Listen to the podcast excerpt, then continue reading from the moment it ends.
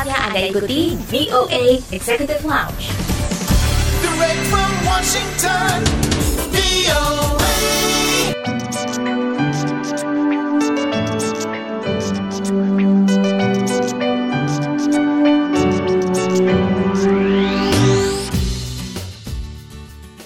Dari Washington DC, Ronan Zakaria kembali menemani Anda dalam VOA Executive Lounge. Di VOA Executive Lounge, seperti biasa Anda bisa menyimak cerita-cerita menarik seputar diaspora Indonesia di mancanegara, juga beragam informasi dari dunia hiburan dan gaya hidup. Seringkali kita mendengar ada film-film Indonesia yang menembus berbagai festival film internasional di berbagai negara, seperti Gundala, Sejauhku Melangkah, tapi apa saja sih yang perlu diperhatikan dan dipersiapkan agar karya film kita bisa masuk festival film internasional? Reporter VOA Indonesia Dania Iman akan membahas semuanya itu. Jadi jangan ke mana-mana, tetap bersama kami di VOA Executive Lounge. Ingin tahu berita menarik, terkini, dan terpercaya?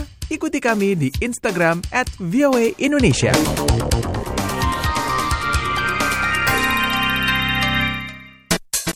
Seringkali kita mendengar ada film-film Indonesia yang menembus berbagai festival film internasional di berbagai negara. Sebagai contoh, film-film karya sutradara Indonesia Joko Anwar yang sudah banyak diapresiasi di berbagai festival film internasional, salah satunya Gundala yang tahun 2019 lalu berhasil masuk dan ditayangkan di Toronto International Film Festival atau TIFF di Kanada. film saya sudah masuk di sekitar 400 film festival sejak tahun 2005. Menurut Joko Anwar, seorang sineas harus bisa memilih festival yang tepat dalam mendaftarkan filmnya, mengingat terdapat ribuan festival film yang tersedia. Tergantung film yang kita buat apa. Kalau misalnya kita bikin film untuk genre action, fantasi, horor, biasanya kita yang terbesar itu T.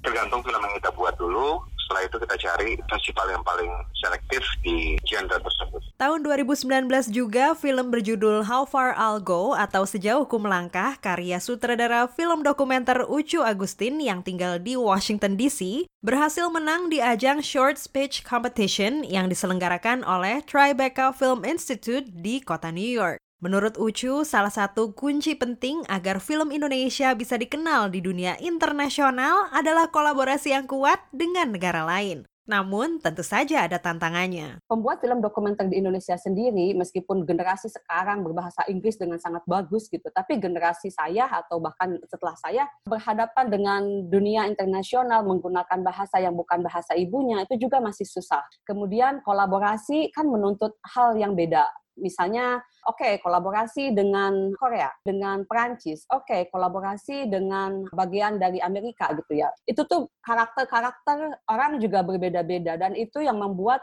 kemampuan kita semakin ditantang ya. Amelia Hapsari adalah Direktur Program Organisasi Nirlaba Indox yang menghubungkan dan mempromosikan film-film dokumenter Indonesia ke negara lain. Belum lama ini, ia terpilih sebagai salah satu di antara 819 orang di dunia film yang diundang untuk menjadi anggota dari the Academy of Motion Picture Arts and Sciences di Amerika Serikat. Salah satu tugasnya adalah menjadi juri di ajang Academy Awards atau Oscar. Jika ingin memperkenalkan karya film Indonesia ke dunia internasional, Amelia berpesan agar jangan cepat puas. Kita harus memiliki tujuan jangka panjang, tidak berorientasi pada hasil-hasil jangka pendek saja, terus mengasah keterampilan dan kemampuan kita, selalu ingin lebih dan tidak cepat puas. Yang perlu juga diingat adalah untuk tidak lupa membawa keunikan masing-masing seperti kata Profesor Christina Hodel, seorang sineas yang juga adalah dosen di Departemen Komunikasi di Bridgewater State University di negara bagian Massachusetts, Amerika Serikat. I'd say be proud of your Indonesian heritage and your culture. Berbanggalah dengan warisan budaya Indonesia Anda dan buatlah film tentang itu. Jangan coba untuk menyembunyikannya dan menjadikannya seperti budaya Hollywood. Dari Washington DC, saya Dania Iman melaporkan untuk VOA. The voice of America.